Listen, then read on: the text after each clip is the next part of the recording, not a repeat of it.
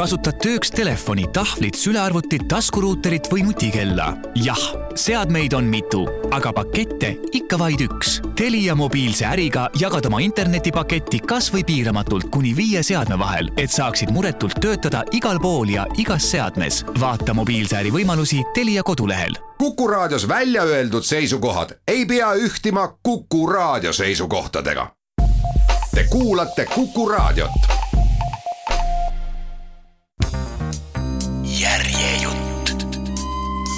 Leonid Josefovitš, kõrbe isevalitseja, Roman von Unger-Sternberg ja aeg, milles ta elas.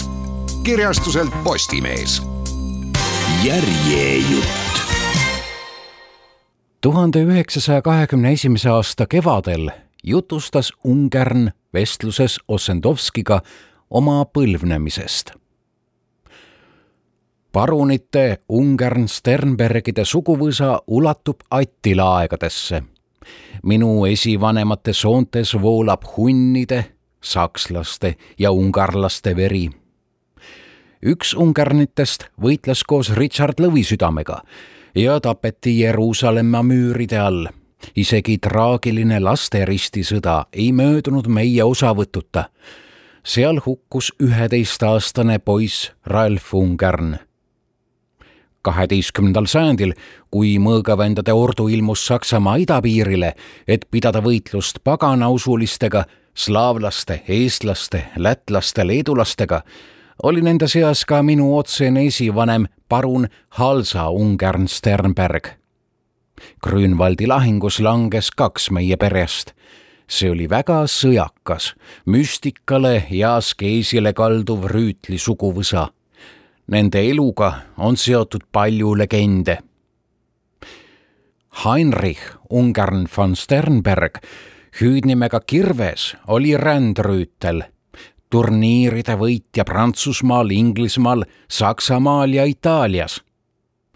ta hukkus Cardiffi lähedal, kus leidis endale väärilise hispaanlasest vastase, kes lõi mõõgaga ta pea koos kiivriga puruks.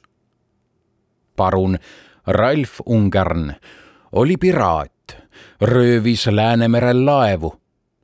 parun Peeter Ungern, rüütel ja piraat, oli Taagöö saare lossi omanik, valitses oma röövlipesast kogu Baltimaade merekaubanduse üle.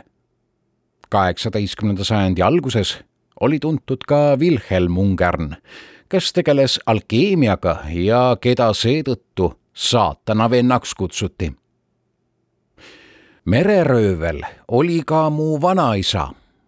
tema korjas India ookeanis Inglise kaupmeestelt andamit. Inglise võimud ei suutnud teda kaua tabada. aga kui lõpuks kinni püüdsid, andsid üle Vene valitsusele, kes ta tagapaikalimaale küüditas raske öelda, mida rääkis sellest tegelikult Ungern ja mida Ossendovski välja mõtles või talle kättesaadavast kirjandusest ammutas. aga Ungern Sternbergid olid kõigi kolme Balti kubermangu aadlimatriklites.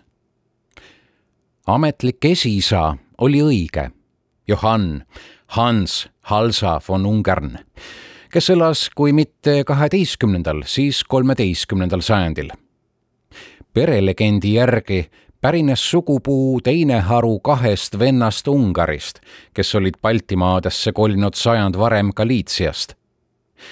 Nende soontes voolas Ungari veri. aga siit pole palju juba ka Attila sõjameesteni. traditsiooniliselt, kuigi alusetult, loeti hunne madjarite esivanemateks hiljem muutusid Ungarid ungerniteks ja Sternbergidega abielludes liideti viimaste suguvõsa nimi enda omaga. paruni tiitli oli neile andnud Rootsi kuninganna Kristiina tuhande kuuesaja viiekümne kolmandal aastal ja ilmselt said nad siis ka oma vapi, millel on lillad, kuusnurksed tähed ja deviis täht ei tea oma loojangut Riia peapiiskopi vasalli Johann von Ungarni, kes oli abielus kohaliku vürsti Kaupo tütrega ja Roman Fjodorovitš Ungern-Sternbergi vahele, jääb genealoogilises tabelis kaheksateist põlve.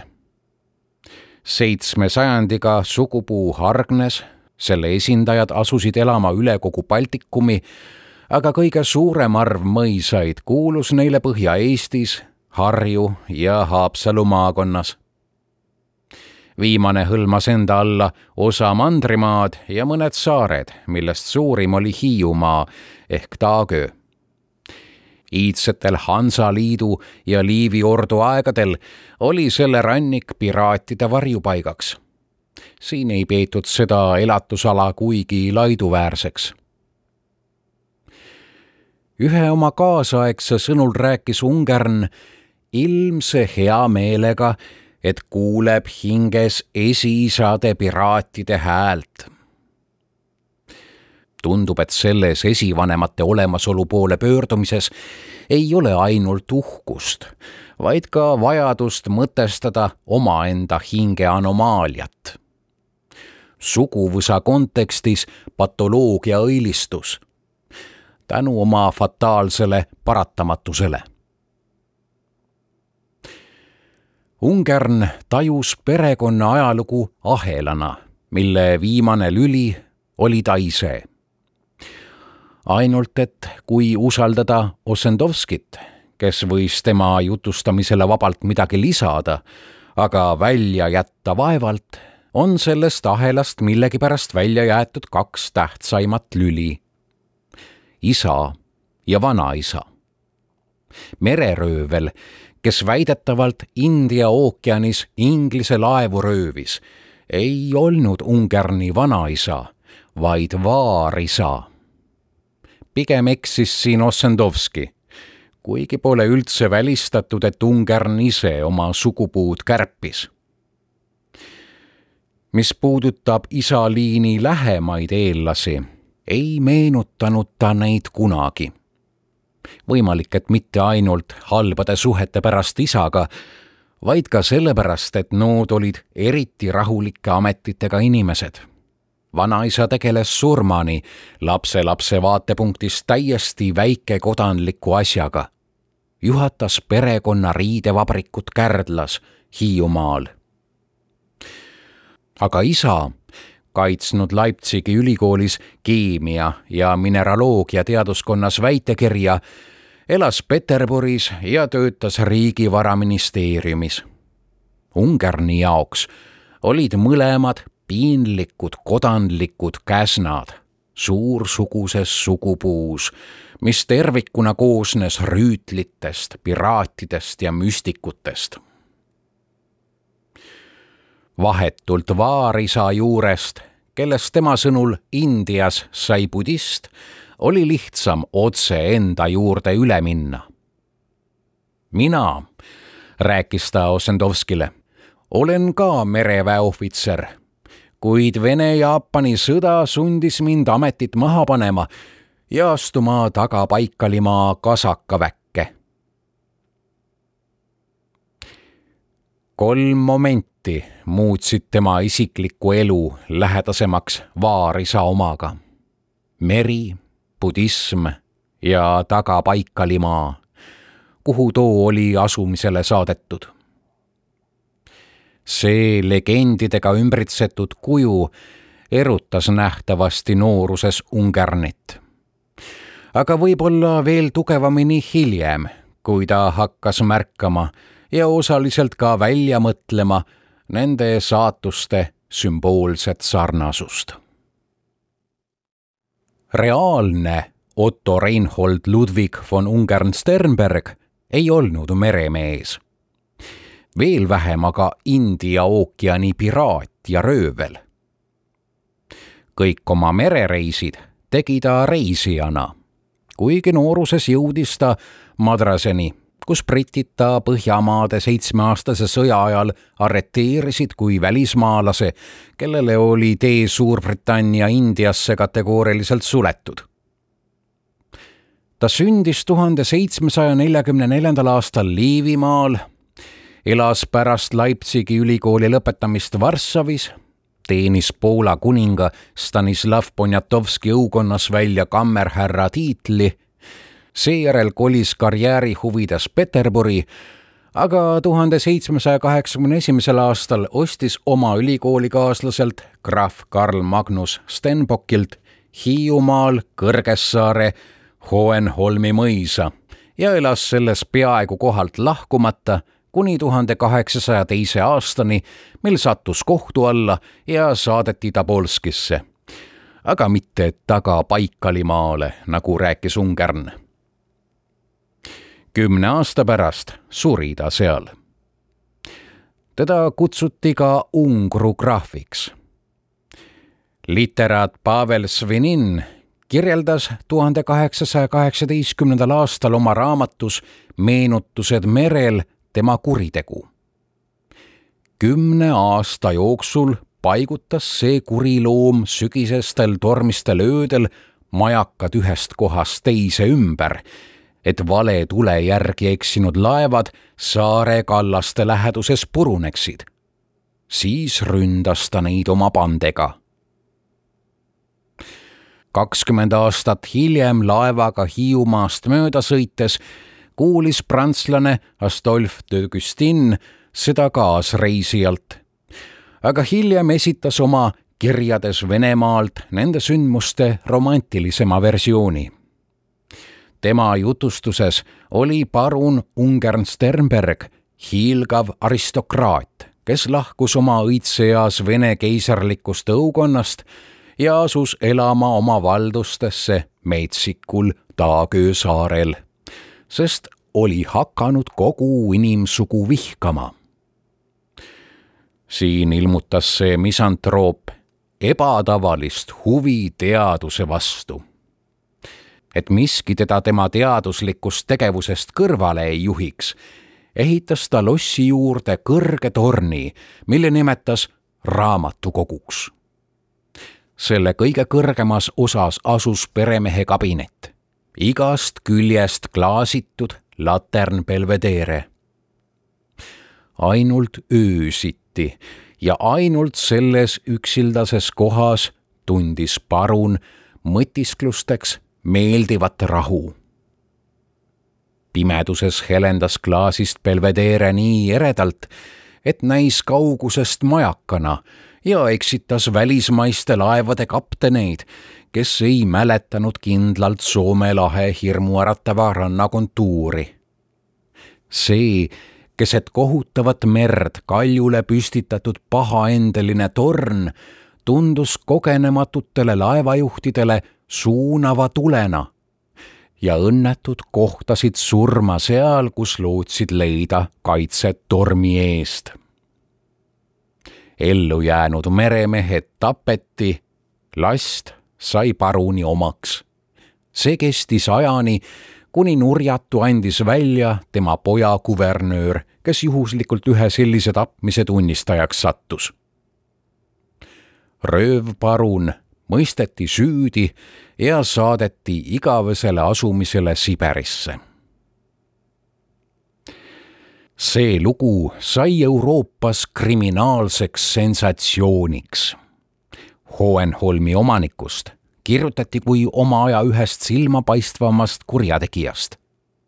süda tilgub verd, inimsus väriseb paruni koletuslike kuritegude meenutamisel, hüüatas Viinin. kuid möödus üsna vähe aega kui seal, kus varem nähti eksootilist kriminaalkuritegu, hakati nägema mässumeelse hinge tragöödiat. Otto Reinhold Ludwig von Ungern-Sternberg oli lausa leid romantikute jaoks. ta sulandus romaanide, draamade ja poeemide tegelastesse kelle sarnasus prototüübiga oli kohati üsna kauge, nagu näiteks Byroni kangelasel poeemis Korsaar. pärast teda õilsad röövlid aina sigisid ja läksid pikaks ajaks moodi aga nende esivanem muutus teemonlikuks mässajaks, kes rikkus jumalikke käske mitte banaalsest ahnusest, vaid nagu arvas de Gustin puhtast armastusest kurjuse vastu, omakasu püüdmatust tõmbest hävituse poole.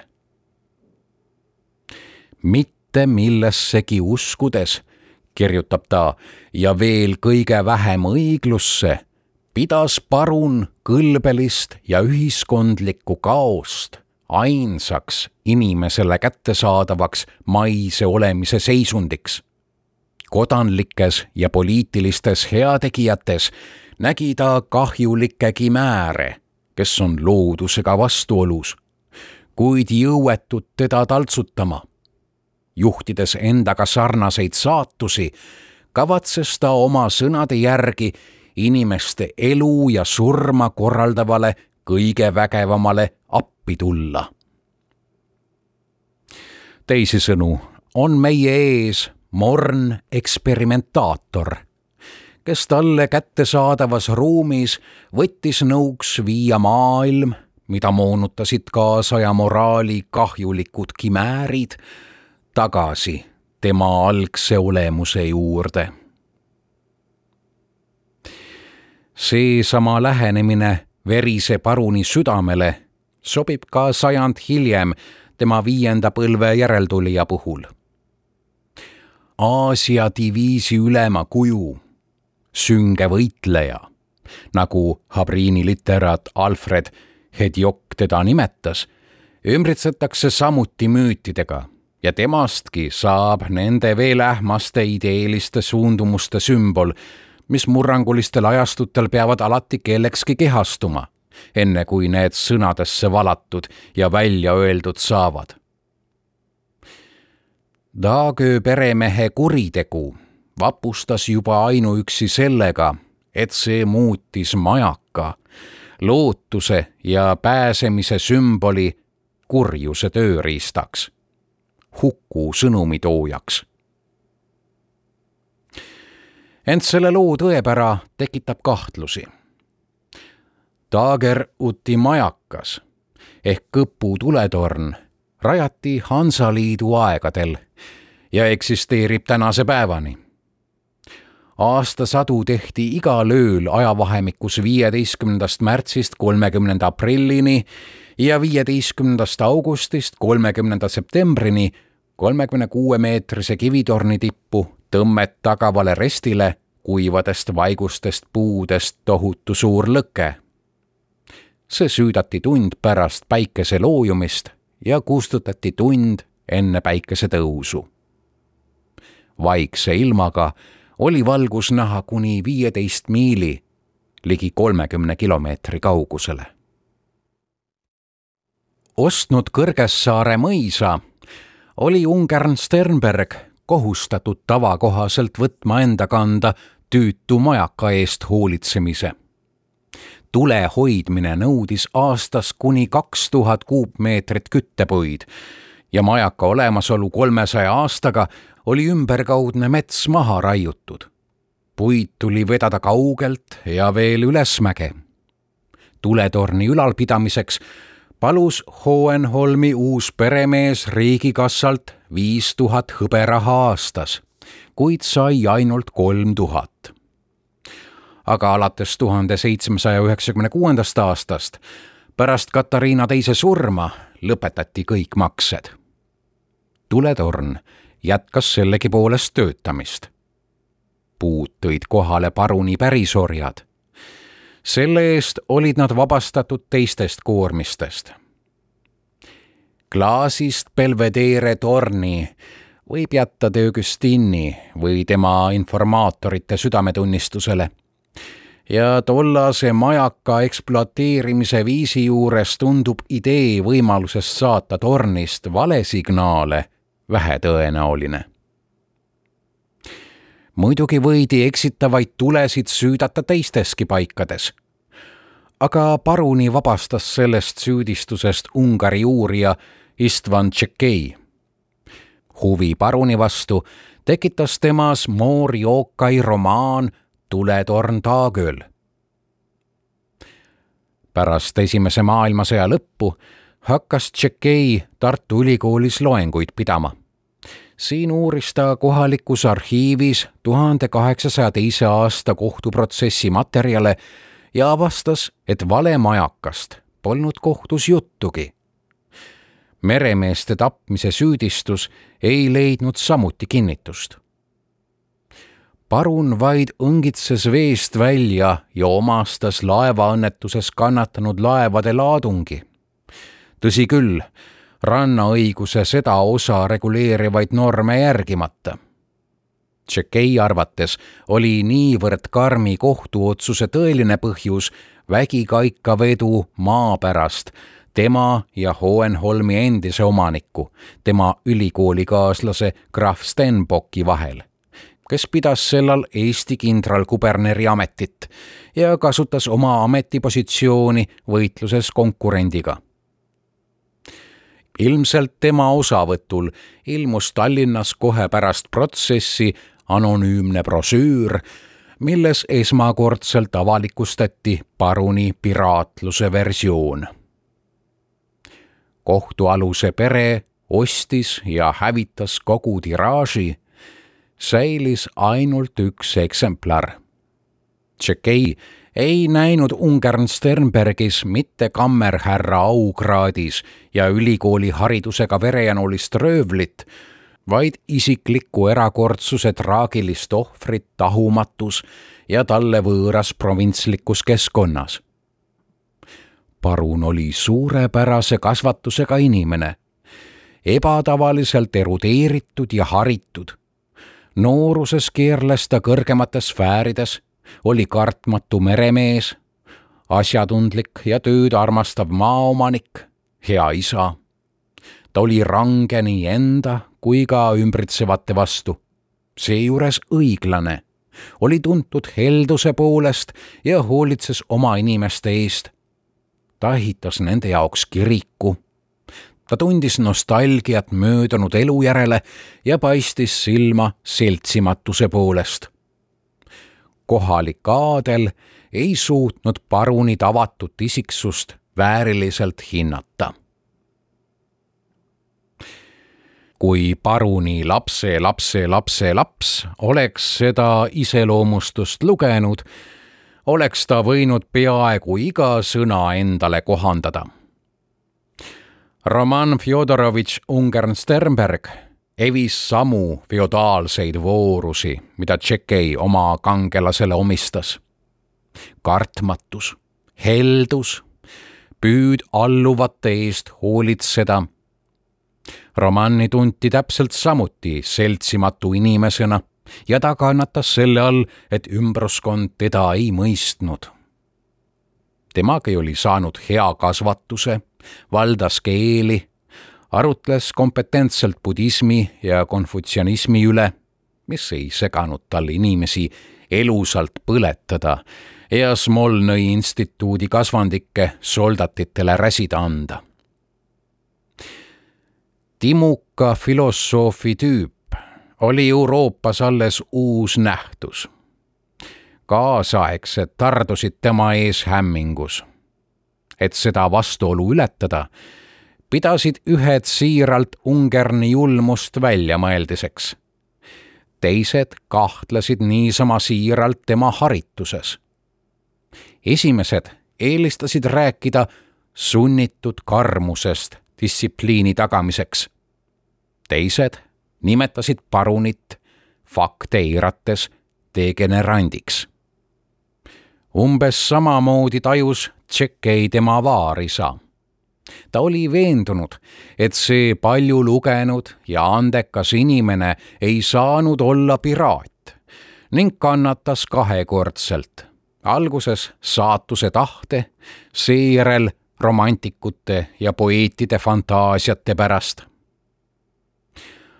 ainult et legendid tekivad harva tühja koha peale.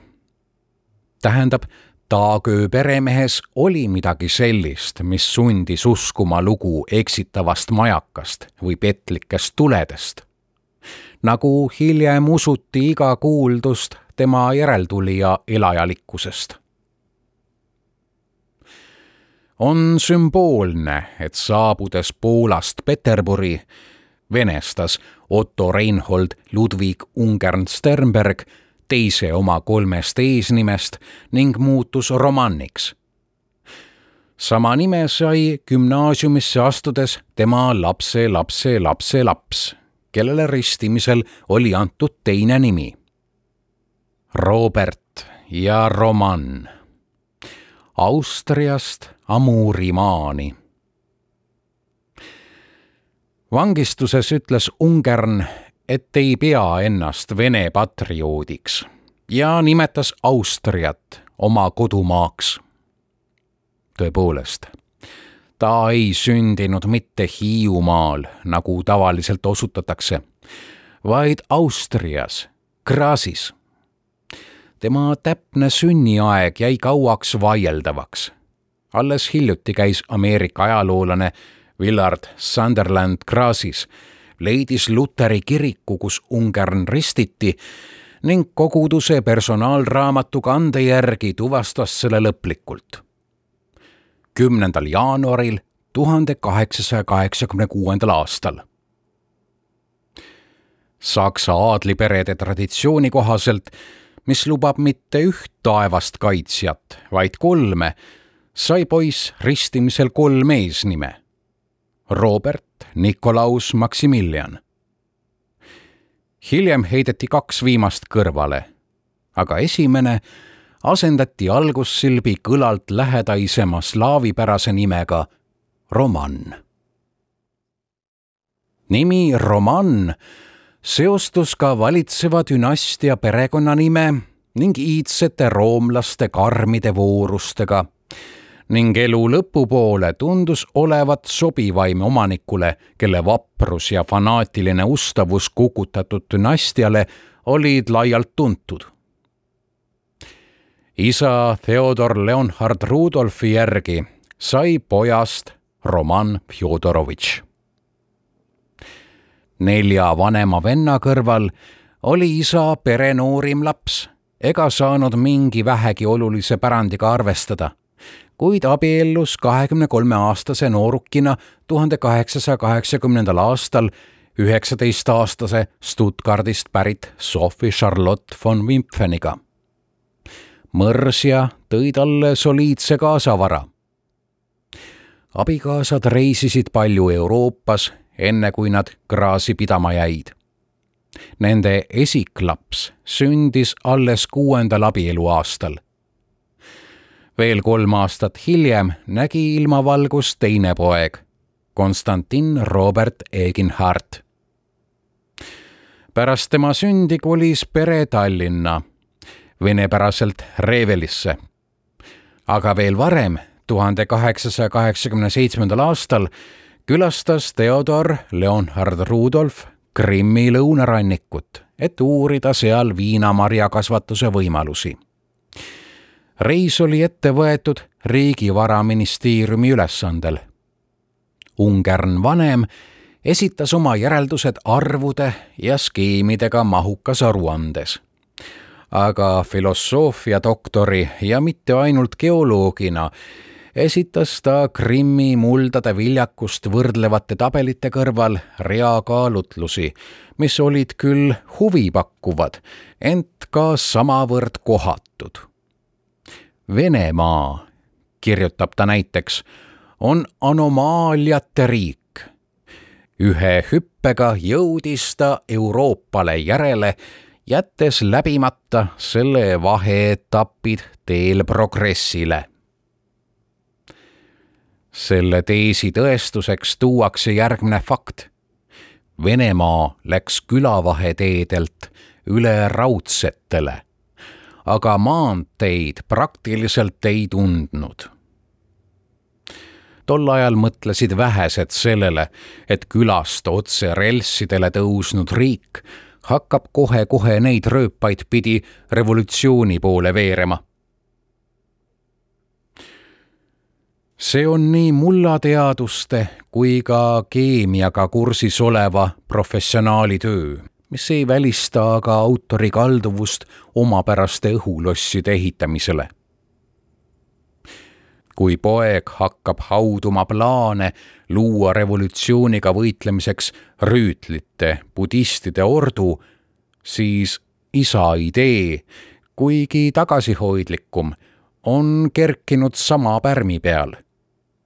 Krimmi tatarlaste seas veini valmistamise propageerimiseks tegi ta ettepaneku asutada rändõpetajate klassi. autor kujutas neid hulkuvaid jutlustajaid ette peaaegu et ideemärtritena, hoiatades, et nende missioon nõuab suurt eneseohverdust ja nende isikute valikusse tuleb suhtuda äärmise ettevaatlikkusega. Krimmi-tatarlased suhtusid moslemitena viinapuudesse arusaadavalt vaenulikkusega. aga soov lisada majandusettevõttele konspiroloogilist atribuutikat, anda sellele teenimise ja ennastsalgavuse vorm, ei ole normaalsele ametnikule siiski tüüpiline.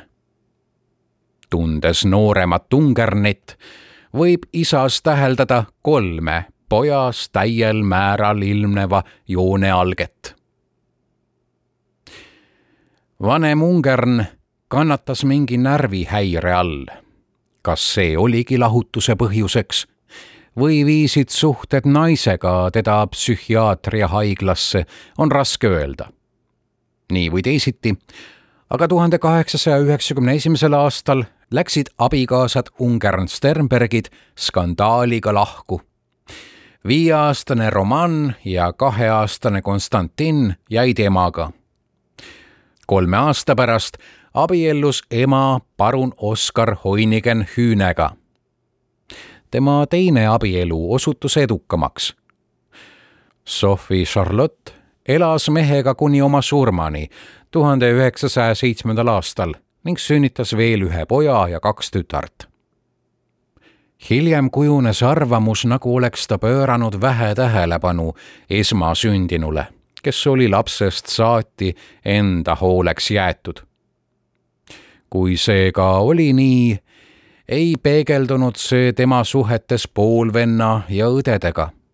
Nad jäid täiesti lähedasteks isegi pärast ema surma, aga kasuisaga Ungern ei klappinud. poiss ei tundnud ennast peres eriti mugavalt, mis ei saanud tema iseloomu mõjutamata jätta näib, et bioloogilise isaga ta oma elus mingeid suhteid ei hoidnud. ei ole jäänud väiksemaidki jälgi tolle osalemisest poja saatuses.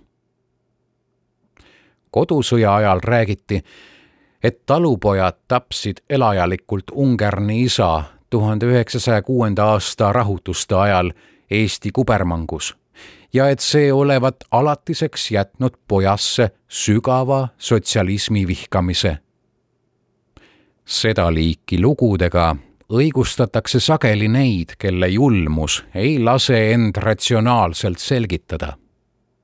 Mongoolias Ungarni all teeninud legendaarse mõrtsuka Sipailo kohta räägiti samuti, nagu maksaks ta bolševike poolt Ungra vangikongides tapetud pere eest kätte vähemalt annab enne teist maailmasõda Riias välja antud Balti aadli sugupuude leksikon Theodor Leonhard Rudolf Fjodor Ungern Sternbergi surmaajaks tuhande üheksasaja kaheksateistkümnenda aasta. aga surmakohaks Petrogradi. asjaolud, miks ta hukkus või suri, on teadmata neljateistkümnenda eluaastani õppis Ungern kodus. tuhande üheksasajandal aastal astus Tallinna Nikolai gümnaasiumisse, aga kahe aasta pärast heideti välja. vaatamata andekusele, kirjutab tema onupoeg Arvid Ungern Sternberg, oli Roman sunnitud gümnaasiumist lahkuma vähese püüdlikkuse ja paljude koolikorra rikkumiste pärast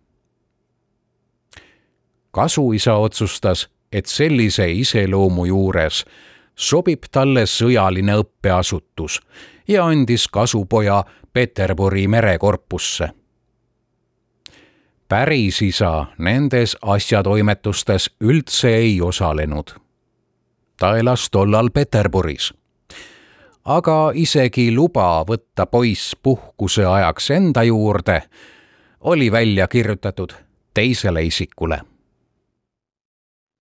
seitse aastat hiljem atesteeris juhtkond Ungarni kui väga hea kadeti, kes armastab füüsilisi harjutusi ja töötab väga hästi mastikorvis. on seejuures laisk ja mitte eriti hoolikas. säilinud on aukartust äratav nimekiri tema eksimustest mille eest teda regulaarselt karistati kartsas istumisega. kõik need üleastumised on küllaltki süütud. tuli puhkuselt tagasi pikkade juustega, suitsetas tekil, jooksis klassikoridoris, ei olnud õhtuses usuõpetuse tunnis kustutas suitsuruumi tule enne ohvitseri sisenemist. käitus kirikus halvasti hoidis hommikuvõimlemisest kõrvale ja nii edasi. pidevalt figureerivad mingid rangeima keelu all olevad, kuid kuueteistaastase kadeti Ungern Sternbergi südamele kallid nööpidega saapad. tema iseloomu üle saab otsustada selle järgi, et ta suutis arestist põgeneda kuni korrapidaja pärast lõunasööki nõusid ära viis ja et ta jalutas väljakutsuvalt kvartertekkidel. teismelise mässumeelsus ühines temas sünguse ja häbelikkusega. tema tempude nimekirja lugedes ei tohiks märkamata jätta, et peaaegu kõik need on toime pandud mitte eakaaslaste seltskonnas, vaid üksinduses. aja jooksul hakkab ta halvemini õppima järjekordne atesteerija teeb tema jõhkrusele ja luhakusele viidates kaugele ulatuva järelduse. küllaltki halva moraaliga viletsa vaimse arengu juures. viimast on raske uskuda, kuid ometi jäi Ungern tuhande üheksasaja neljandal aastal teiseks aastaks nooremasse eriklassi poole aasta pärast tehti vanematele ettepanek ta oma hoole alla võtta, kuna nende poja käitumine on langenud madalaima hindeni ja jätkab halvenemist. ema ja kasuisa hoiatati, et igal juhul, ükskõik, kas nad võtavad ta koju või mitte, arvatakse ta korpuse nimekirjast välja varsti pärast Vene-Jaapani sõja algust jutustab Ungarni esimene biograaf Nikolai Knjazev härdunult, oli hommikuselt loenduselt puudu kolm noorema klassi kardemariini. üht neist muidugi kutsuti romanniks. tegelikkuses midagi sellist ei juhtunud ehkki ka Ungern ise rääkis, et ta lahkus vabatahtlikult merekorpusest, et pääseda jaapanlastega sõdima. dokumendid lükkavad selle ümber, aga võib oletada, et istumajää ja seisund oli tema jaoks alandav.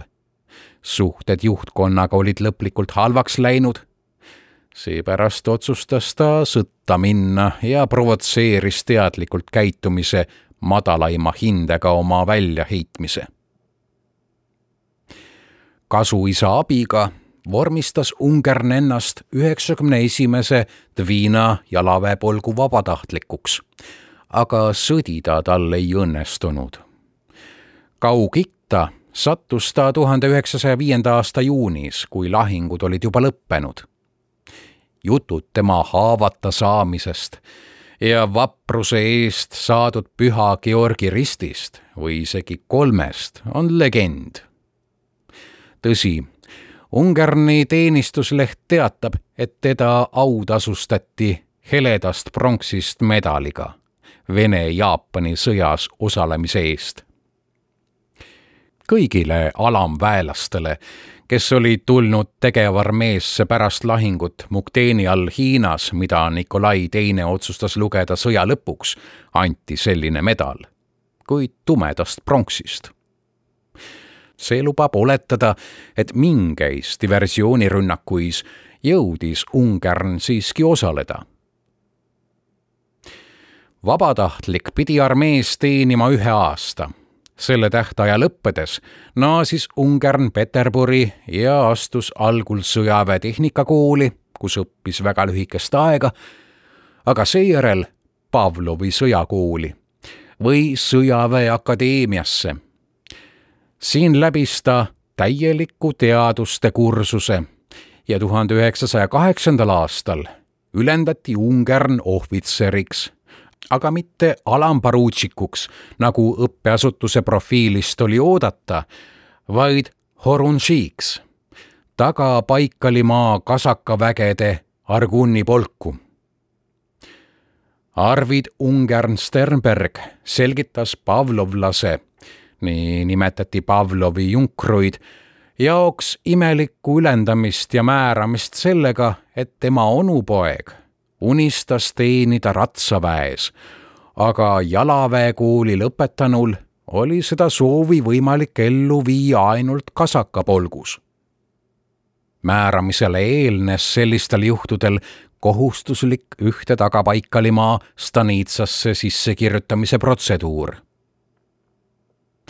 seda, et Ungern valis kõigist kasakavägedest teisejärgulise tagapaikalimaa, selgitasid tema vaenlased ahnitsejaliku püüuga saada suurt sõidu- ja ümberasumisraha.